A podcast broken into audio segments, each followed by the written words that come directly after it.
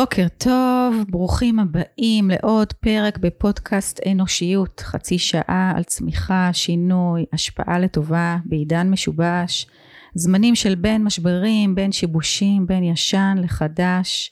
המטרה שלי לתת לכם מפגש עם עצמכם דרך השיחות הכנות שמתרחשות פה בתוך היער, בנושאים מגוונים ורלוונטיים לעידן שבו השינוי הוא יומיומי. וכולנו נאלצים ללמוד, להתפתח, לחזק את הקשר לפנימיות, למרכיבי החוסן. אז אם מצאתם עניין פה איתנו, בבקשה עזרו לפזר את הטוב ולהגיע לעוד אנשים ותעבירו את הלינק הלאה. היום אני מארחת את אה, נעמה מוזס, שהיא שלס... סלשרית.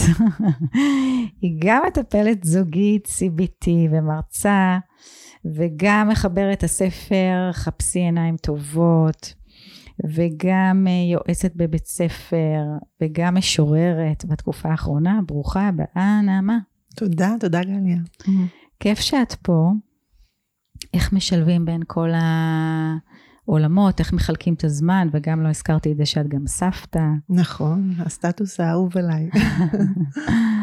אז uh, ככה, בכמה מילים, איך, מה, מה הוביל ל, ל, ל, למה, ואני אגיד רק לפני שנושא השיחה שלנו היום, יהיה מאוד מעניין, כי כיאה לאישה שהיא גם וגם וגם וגם, אז השיחה שלנו, אני התכוננתי א', אבל תוך כדי בשיחה המקדימה פה, um, הגענו בכלל שאנחנו רוצות לדבר על משמעות uh, ביום יום, משמעות יומיומית, אז, אה, ואני בכלל רציתי לדבר על סודות במערכות יחסים, אז אנחנו נראה איך זה ישתלב, אבל קודם ספרי ככה איך הדברים משתלבים אחד גם בשני. וגם. כן. אני מאוד אוהבת גם וגם. אה, איך זה משתלב? אני בסופו של דבר אה, מרגישה דווקא שיש איזשהו ציר מרכזי שמחבר בין כל התחומים, שזה בעיקר לאהוב אנשים, להיות, mm-hmm. להכיר, להסתקרן, להכיר את העולם הפנימי שלהם. אם זה בעבודתי כיועצת אה, בתיכון, אה, כמורה. אני חושבת שבשנים האחרונות יכולתי במידה מסוימת אולי לוותר על שעות ההוראה ורק להתמקד בעבודת הייעוץ, ועדיין זה תחום שאני מאוד אוהבת ללמד פסיכולוגיה. אה, ולא רק להקנות ידע, אלא באמת להפגיש את התלמידות עם עולם מרתק, להרגיש בעלת השפעה, לפגוש היום תלמידות כבר בנות 40 שזוכרות אותי, ובמידה מסוימת אפילו מספרות שיש לי איזשהו חלק בבחירה המקצועית שלהם בהמשך. כן. אה, גם כמובן בתחום הטיפולי, בקליניקה, אה, לפגוש אה, זוגות, להיות חלק מהמסע שלהם. וסביב הספר, כתיבת הספר וכתיבת השירים, אני עדיין לא קוראת לעצמי לא סופרת ולא משוררת, נראה לי קצת עדיין טייטל ככה עוד לא מתיישב עליי לגמרי. אולי צריך עוד ספר בשביל שיהיה מה לספור, אני אומרת. אוקיי. סופרת צריכה לספור לפחות אה, שני ספרים, לא? טוב, אה, יש עוד הפתעות בדרך. בהחלט. אז תגידי, אמ, אנחנו נמצאים היום באמת בעידן כזה שיש קצת אה, כאוס, נכון? גם במערכות יחסים, בעולמות העבודה, בעולם המקצועי, בתוך בתים. אמ, מה זה האלמנט הזה של, של סודות בתוך מערכות יחסים, לא רק בבתים, בכלל במערכות יחסים, בין חברים, במקומות עבודה, בין אנשים. מה מייצר סוד? סוד, אה, קודם כל, אה, לפעמים ככה, אני חושבת, תמיד האסוציאציה שלי לסוד, סוד כמוס לפרה ולסוס, מה שהיינו כותבים פעם כשהיינו קטנים ככה בדף היומן. בסופו של דבר סוד זה משהו שהוא קודם כל מגדיר אותנו. זה משהו מאוד טבעי להתפתחות שלנו.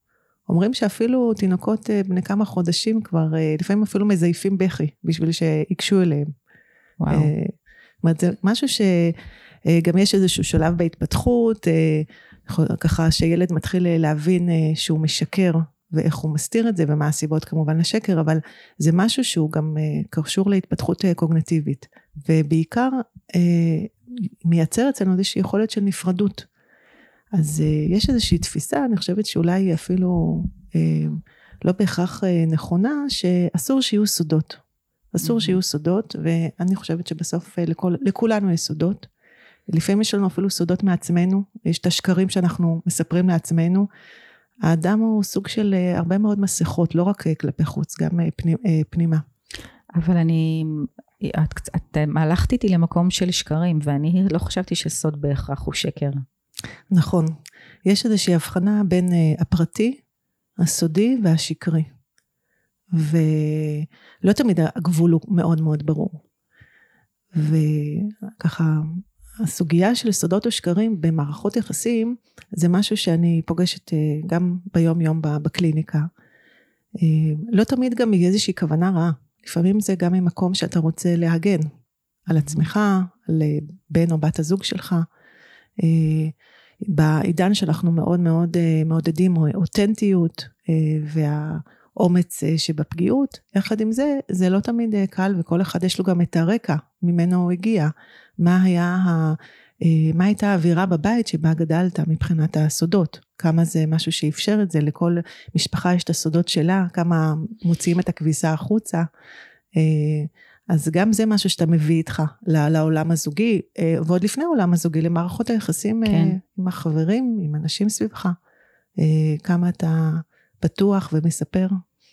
אז, אז בעצם סוד זה גם כמה אנחנו פתוחים בתוך מערכות היחסים, כמה אה, אנחנו משקרים, מזייפים על מי שאנחנו, על מה שאנחנו, על דברים שקרו לנו. אז אני חושבת שחשוב, אפשר לעשות הבחנה בין הסוד, שלפעמים הוא שלי, ואני פשוט לא מספר אותו, שזה סוג של הסתרה, זה עדיין לא, לא לשקר סביבו. אוקיי. אה, אולי אני ככה אתן את ההקשר. אה, הספר שחפשי עיניים טובות, הוא עוסק באיילת שהיא אה, פסיכולוגית חינוכית, היא נוסעת לקחת את הילד אה, שלה מהגן, ונער על קורקינט חשמלי מגיע חמולה, ככה בעצם פותח הספר. זה דרך אגב אירוע שקרה לי לפני 20 שנה, כשנסעתי לקחת את הבת שלי מהגן, וילד אה, קפץ לי לכביש. וואו. כן, זה, לפעמים אני אומרת, זה, זה איזשהו משהו ש, ש, שמתיישב לך בלי, בלי שאתה, זאת אומרת, זה, זה היה אירוע מאוד מטלטל, לכמה שניות אה, הייתי בטוחה ש... זאת אומרת, אתה, אתה לא רוצה אפילו לצאת מהאוטו, אתה לא מסוגל, האמת, הייתי באיזשהו פריז, ובאיזשהו שלב אה, כבר שהצלחתי איכשהו להוריד את החגורת בטיחות ולנסות להבין מה קרה, כי הילד ממש אה, נעלם משדה הראייה שלי, פתאום הילד התרומם. הוא היה ככה מאוד מבוהל, מלוכלך מהאספלט של הכביש, וישר צעקתי לו, תרים את החולצה, תרים את החולצה, שאני אראה שאתה בסדר, ואז הוא פשוט ברח מהמקום, מרוב בהלה, היה בטוח שאני בטח הולכת לצרוח עליו. אמ, הגעתי לגן מאוד מבוהלת, סיפרתי לגננת, אני אדם שמאוד מספר. Mm-hmm.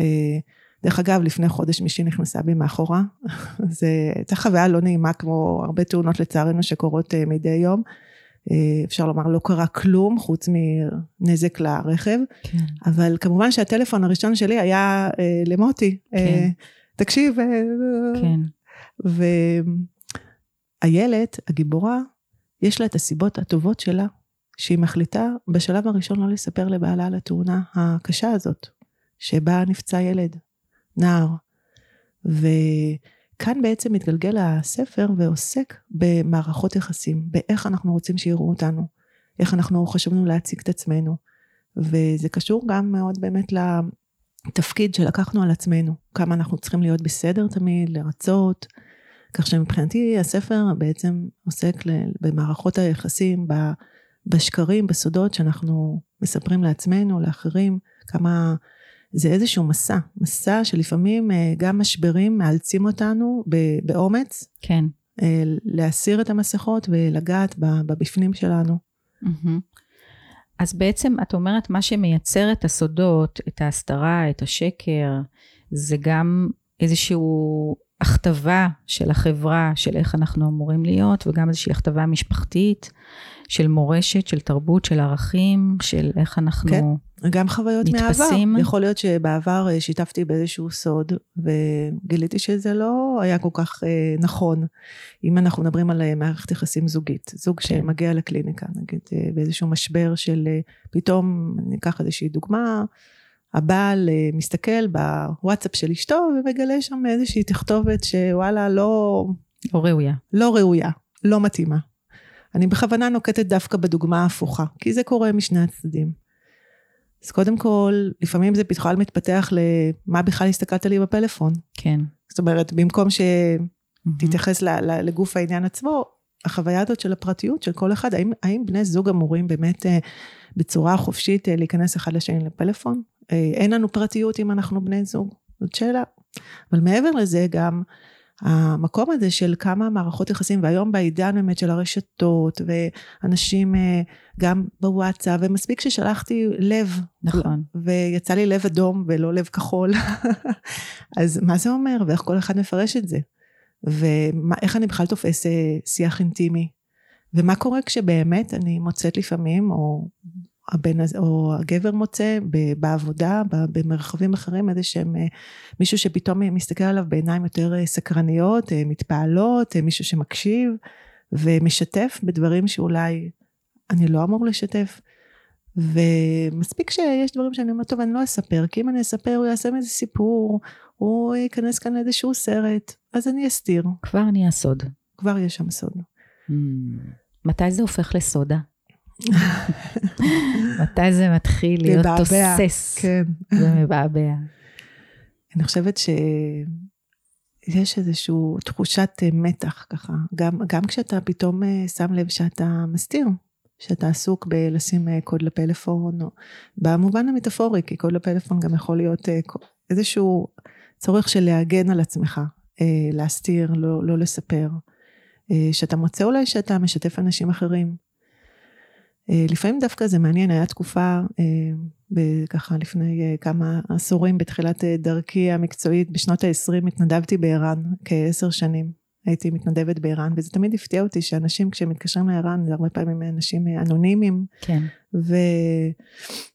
ושם לפעמים מאוד קל לנו דווקא להביא את עצמנו ולספר דברים שאנשים אחרים לא ידעו עלינו, כן. כי זה כן. אנונימי. תגידי, היום אני ככה מוצאת בתהליכים שאני עושה בתוך ארגונים, שבאמת אה, יש איזה טשטוש גבולות בין כל מעגלי החיים שלנו, ואנשים באים לתוך אה, עולם העשייה שלהם היומיומית, בקריירה שלהם, עם הרבה מאוד סודות, הסתרים. אפילו הסתר, אני מבחינתי סוד זה אפילו מה אני מרגיש למנהלת שלי, מה אני מרגישה לקולגה שלי, זה גם מבחינתי סוג של סוד והסתר, של אף אחד בעצם לא יודע מה באמת קורה בפנים, בתוך הלב, ברגש, ב... עם מה הגעתי, עם איזה מטען אני מגיעה כל יום. אז זה גם אה, מבחינתך נכנס בתוך ה... זהו, אני, אני, חשוב לי להדגיש שאני לא חושבת שבהכרח כל סוד אנחנו צריכים לספר. אוקיי. Okay. יש חשיבות מאוד גדולה גם בין בני זוג למקום של הנפרדות. אנחנו לא אחד. Mm-hmm. אנחנו שניים, ולכל אחד יש את העולם הפנימי שלו, כמו בתחום של פנטזיות מיניות, mm-hmm. שזה משהו שלא, זה, זה בסדר גמור, זה עדיין לא אומר שמה שאני חושב, אני בהכרח צריך לשתף כל אחד. אה, לפעמים יותר קל לי לשתף אה, אדם, אה, אני חושבת שזה אולי אחד היתרונות של אה, טיפול, כשאנשים mm-hmm. מגיעים לטיפול, אני אומרת לבני זוג לפעמים, וואו, אה, מאוד נעים לי לראות את השיח ביניכם, אז הם אומרים, כן, אבל זה קורה רק פה. Mm-hmm. כי ברגע שיש אדם מקצועי שמווסת כן. את זה ומאפשר אה, איזשהו מרחב בטוח. כן. אה, לפעמים אני יודע שאם אני אשתף בסוד, ישתמשו בו נגדי. נכון. וזה לא נכון. אה, גם אם דרך אגב יש לי איזשהם מחשבות או תחושות, האם כל דבר שעובר לי בראש או שאני מרגיש שאני בהכרח צריך מיד לשתף, אולי חשוב לאבד את זה קודם עם עצמי, עם אנשים אחרים. אז לכן אני חושבת שסודות זה משהו מאוד מאוד טבעי, נורמטיבי, ויש לנו כן שאיפה יחד עם זאת, שבן הזוג שמשמש עבורנו איזשהו גם אה, עיניים טובות, מישהו שמקבל אותנו, קשה לי לומר ללא תנאי, כי זה באמת אה, משהו שהוא כן. מעט אידילי ואולי גם לא, לא מדויק. לא, לא. ממש לא... נכון, לא פוגש את המציאות, בוא לא. נודה על האמת. נכון, אבל אה, יחד עם זה שיהיה לי עם הזמן את המרחב הזה, את הביטחון שאני יכול לשתף בדברים ש... וואלה, בעבודה אני לא יכולה לספר לכל אחד, אבל כאן אם אני אשתף בחולשות, בטעויות שעשיתי, בפדיחה, לא יהיה שם מישהו שישפוט אותי, אלא מישהו ש, שיקשיב לי, ולפעמים רק יהיה שם. ועוד לפני כן זה מתחיל בנו, בעצמנו, mm-hmm. ביכולת של החמלה העצמית שלנו כלפי הסודות שלנו. כן. כי הסודות הרבה פעמים הם קשורים במשהו שהוא לא בהכרח חיובי. כן. אני מוצאת היום שאנשים יותר פתוחים, אה, להביא גם את הפגיעות שלהם, וזה אפילו זה אפילו יש בזה משהו מאוד מאוד... אה, מקרב? אה, מקרב. אה, מייצר אינטימיות? כן. את יודעת, הייתי אתמול אה, בערב בהופעה של שלמה ארצי, Mm, ובקהל אה, ישב אה, אליאב זוהר. אוקיי. זה שזכה בכוכב, אה, בכוכב הבא. אוקיי. השיר שתפס את כל המדינה, זה מדהים, זה התגעגעתי למיכל. מהמם. שיר שהוא כתב בעקבות אה, פרידה, ושיר מאוד מאוד חשוף, מאוד נוגע. אני חושבת שזה היה חלק מהקסם שלו. אמ, ושלמה ארצי העלה אותו לבמה, נתן לו ככה לשיר את השיר, זה היה מאוד מרגש. וככה גם בסוף ההופעה, השיר, הוא, הוא ככה שיתף את הקהל במשהו, אני חושבת, די אינטימי, ו, וזה היה כל כך, אה, כל כך מקרב, כל כך אה, מחמיר לב, נוגע ללב. כן. אה, אולי זה משהו מיוחד באמת בדמות הזאת של אליאב, אבל אני חושבת שדווקא יש בו משהו ש, שמייצר מצד אחד איזו תחושה שהיום אנשים יותר, גם אני רואה בפוסטים, בכל מיני, ברשתות, חושפים גם לא רק את הדברים הכיפים והיפים, מצד שני זה גם לפעמים מייצר תחושה של אה, חשיפת יתר, ולפעמים זה משהו שלא מתאים לכולם, ולא כל דבר אה, צריך אה, לבוא ו- ו- ולהגיד. לפני כולם. כן, יש גם חשיבות לדברים שאנחנו שומרים לעצמנו, עם עצמנו, אז- וגם אותם אנחנו לא תמיד אומרים עד הסוף כן, לעצמנו. בדיוק. אז איך ומתי בעצם כדאי, מומלץ לפתוח את הפקק? קודם כל בפני עצמנו. כשאת אומרת מה, כשזה מפריע לאיכות חיים, כש... כש... אני חושבת שברגע שנסיר את השיפוטיות, נבוא ממקום אה, סקרן. אוקיי. אה, אני בהשראת ההופעה של אתמול, ארץ חדשה, ממש להסתכל גם על עצמנו. אחד התרגילים שאני הרבה פעמים אוהבת לעשות עם עצמי, זה כשאני כועסת על עצמי על משהו, או תמיד שואלת את עצמי אם חברה הייתה באה ומספרת לי את זה, איך הייתי מגיבה. אז מהמם. אולי איך אני אגיב לעצמי באותו, באותה סיטואציה. ובאותה מידה כמובן גם כלפי האנשים שיקרים וקרובים לנו.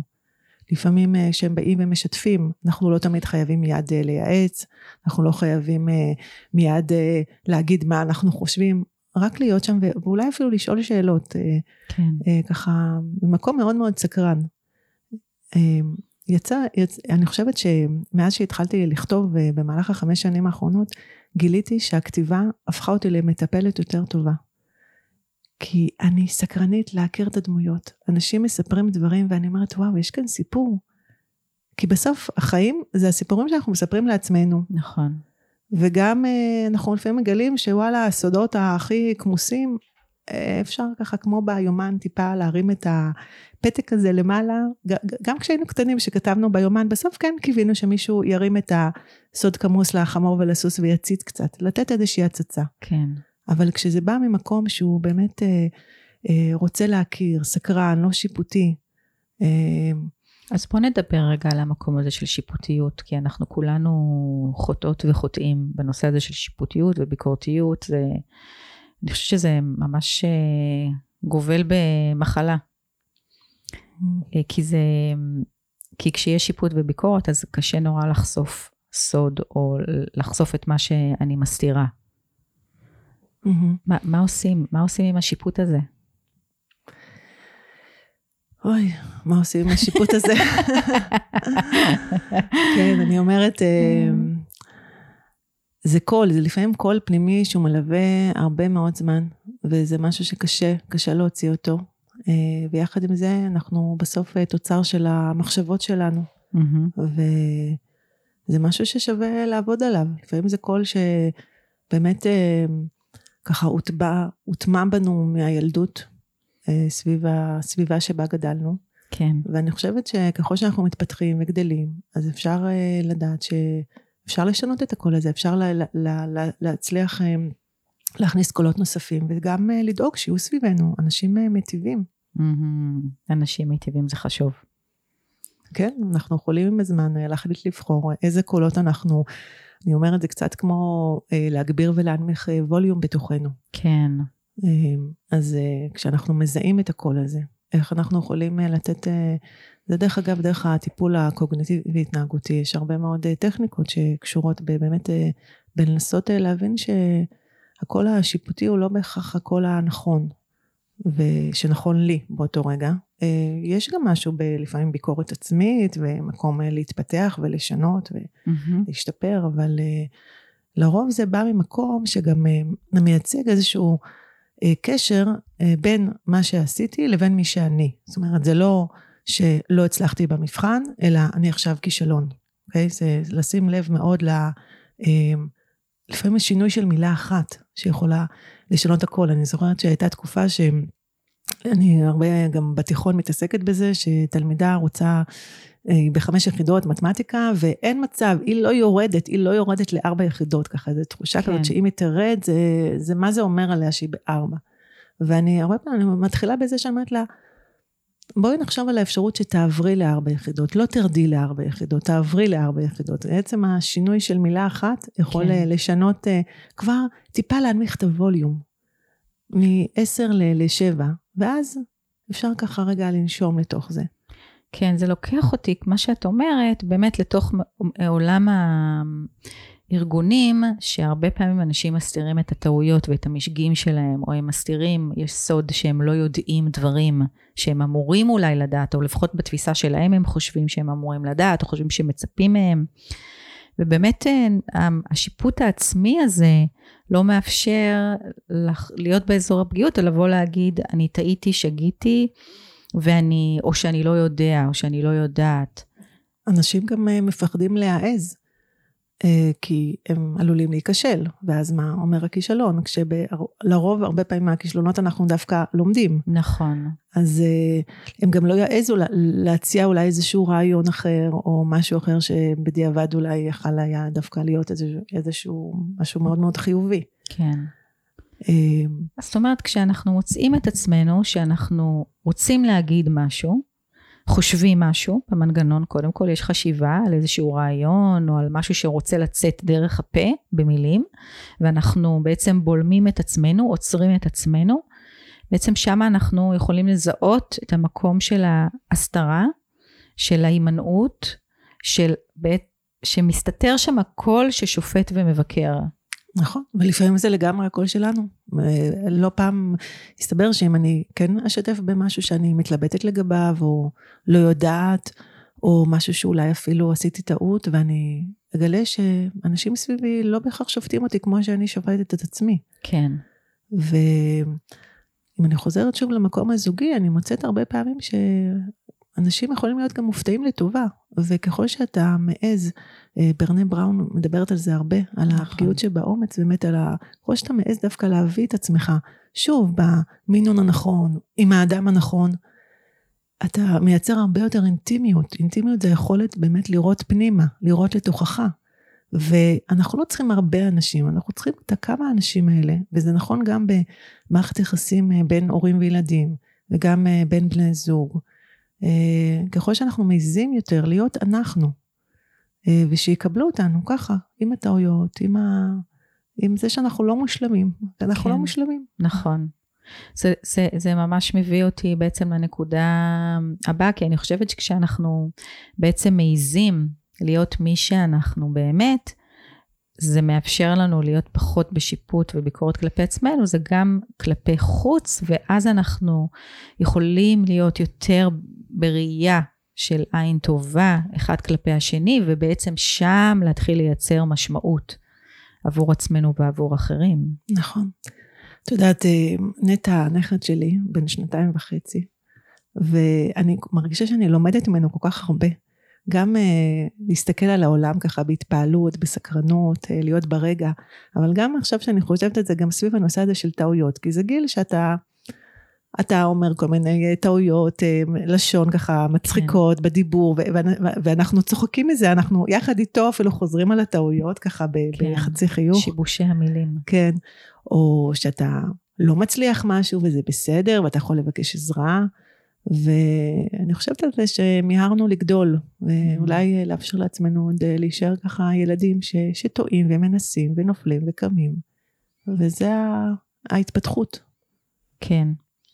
יש אמ, משפט מאוד מאוד אה, שמלווה אותי, של אה, מורתי ימימה, שאני מלמדת היום, זה שימו לב, כל מי שבהסתכלות בחסר, מחסירים מקום לבני הסביבה. בפנים, בהתפתחות, עוצרים הרבה חלקים להתפתחותם. שבעצם אנחנו בראיית החסר ולא בעין טובה, אנחנו בעצם עוצרים את היכולת שלנו להתפתח, אנחנו עוצרים את התנועה.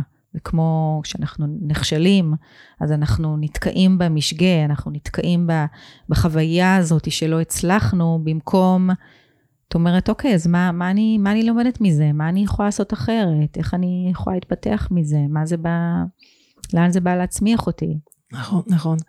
אה, קארול דואק אה, גם מדברת הרבה נכון. על התבנית חשיבה מתפתחת. כן. ואני הרבה פעמים אומרת ככה, אל תגיד שאתה לא, לא, לא, אלא עדיין לא. רק להוסיף את המילה עדיין לא. נכון. אני עדיין בתהליך של התפתחות, ואני לא, אני לא הכישלון, אני לא הטעות. היא חלק ממני. אה, זה חלק מגם הרבה מאוד דברים, אפרופו גם וגם וגם וגם. אתה, אנחנו אנשים מורכבים, ואנחנו סך כל הניסיונות שלנו, ולראות בטעויות הזדמנויות. אני חושבת שזה, אבל תהליך שלומדים אותו, ושוב, הוא מאוד מאוד מאוד מחובר גם באמת אה, לנוף ילדותנו, וגם אה, לחוויות שצברנו, אבל אפשר גם אה, כאנשים בוגרים לעבוד על זה ולשנות את זה. כן. בואי נעבור ל... ככה לנושא הזה של משמעות יומיומית, כי משמעות היא באמת מילה מאוד מאוד גדולה, ואנחנו באמת לא רוצות לדבר במילים גדולות. אז בואי נדבר על היום-יום. על היום-יום. בסוף, בסוף, בסוף, בסוף, אני אומרת, אה, אני חושבת שכולנו זקוקים לאהבה. אה, אנחנו רוצים שיראו אותנו, שיראו אותנו באמת. ואני חושבת שאנו, בכלל העניין הזה של משמעות בעולם, אה, זה משהו שאותי באופן אישי מאוד מעסיק. ואני מוצאת ש... כשאני בסוף יום מסתכלת על היום שחלף, אני אומרת, אוקיי, מה, מה היה היום? יכול להיות שלא עשיתי איזה משהו מי יודע מה, והיום הזה היה די דומה גם לימים שקדמו לו, אבל מספיק שהיה בו איזשהו רגע, ורגע יכול להיות בעל משמעות גם אה, אה, שישבתי עם אה, נטע וקראתי לו סיפור, והייתי איתו, הייתי איתו, קודם כל הייתי איתו, שזה גם היום חוויה שאנחנו לא... נוכחות. נוכחות, נוכחות ברגע. זה יכול להיות אה, שיחה טובה, זה יכול להיות רגע שנגעתי במישהו, מצאתי כל כך הרבה פעמים שאנשים אמרו לי אחר כך, המשפט שאמרת או משהו, ואני אפילו לא זכרתי את זה. אנחנו לפעמים יכולים להיות בעלי משמעות לאנשים אחרים גם בלי שנדע. כן. אבל יש את הרגעים שאנחנו גם באמת אה, מכוונים אליהם. ואני מוצאת שבאמת באינטראקציות של הגם וגם שלי בחיים, אני, מאוד חשוב לי המפגש עם האנשים, לגעת באנשים, אה, להיות חלק מהמסע שלהם. ולהביא, לא תמיד אתה יודע לאן, לאן זה יביא, אבל להיות באיזושהי התכווננות למקום הזה של להיות בעל משמעות. אה, אתה לא חייב, אה, סיפרתי לך בשיחה המקדימה שהייתה תקופה שככה התלבטתי סביב אה, תרומת כליה, שזה משהו שאני מאוד מאוד מעריצה באנשים. בכלל, אני חושבת על כל מיני דמויות כמו רונה רמון, אנשים ככה שהם באמת הטביעו חותם גם בחיים יחסית קצרים. ו... באמת יש אה, הרבה אנשי מופת שאפשר אה, ללמוד מהם, אבל אנחנו לא חייבים, אה, המשמעות שלנו לא נתפסת רק בדברים הגדולים האלה, לא כולנו מסוגלים לה, לה, לה, להיות שם. ואיך אנחנו מצליחים בחיים הפשוטים שלנו להיות בעלי משמעות עבורנו, עבור היקירים שלנו, עבור אנשים שיכול להיות ככה איזשהו מפגש אפילו מקרי ברחוב. ואני חושבת שהספר שבחר, השם שלו, חפשי עיניים טובות, הרבה אנשים אמרו לי, היה משהו בשם של הספר ש, שתפס אותנו, כי בסוף אנחנו, זה, זה מה שאנחנו מחפשים, וזה מה שאנחנו מקווים למצוא, וזה מה שאנחנו רוצים לשמש גם עבור אחרים, והרגע הזה ביום, ששימשנו עיניים טובות למישהו אחר, אני חושבת שזה יכול להיות רגע מאוד uh, בעל משמעות. וואו. אז בעצם, um... יש כאן ממש, כאילו לי, לי יש כזה מין, כמו איזה שרטוט של uh, מין מפה פנימית בין uh, תחילת השיחה שלנו על uh, סודות, ומה מייצר סוד, ומה מאפשר לסוד להשתחרר, ומתי, ואיך לעשות את זה, ומה הרווח בלשחרר סודות, לבין באמת יצירת אינטימיות וקשר שהוא יותר בטוח, ויותר במסוגלות לפתח ולהתפתח, אמ, ודרך זה בעצם להיות, לייצר את ה... להיות בהוויה של עיניים טובות כלפי עצמנו וכלפי אחרים, ובעצם ככה מתממשת איזושהי משמעות, גם אם אנחנו לא ערות לה, מודעות לה. יפה. בתור מורה, אני יכולה להגיד לך שקיבלת 100 עכשיו על הסיכום. אה, בהחלט. אה, כן, מצאת קשר נהדר בין הדברים. אה, אני חייבת להודות לך על ההזדמנות ולומר שמצאתי את העיניים הטובות שלך עוד ככה לפני חמש שנים בסדנה כתיבת הראשונה שהייתי בה. כן. אני עד היום זוכרת שאת אומרת לי תמיד שיש שלושה דברים, נכון? שאת עושה כל יום, אה, שאת אה, שניים. לומדת, שניים, לומדת משהו חדש ועושה משהו טוב בשביל מישהו אחר. אני זוכרת שסיפרת לי את זה וזה השאיר עליי רושם מאוד אה, חזק. תודה. טוב, אז נאחל לכם אחרי החגים שמח, ולהמשיך את כל הכוונות הטובות שרציתם להביא לשנה החדשה. ושתהיה שגרה טובה. שגרה טובה. שגרה ש... אני חושבת שנצליח למצוא בה רגעים בעלי משמעות אה, קטנים גדולים. אמן. להתראות, תודה רבה. תודה.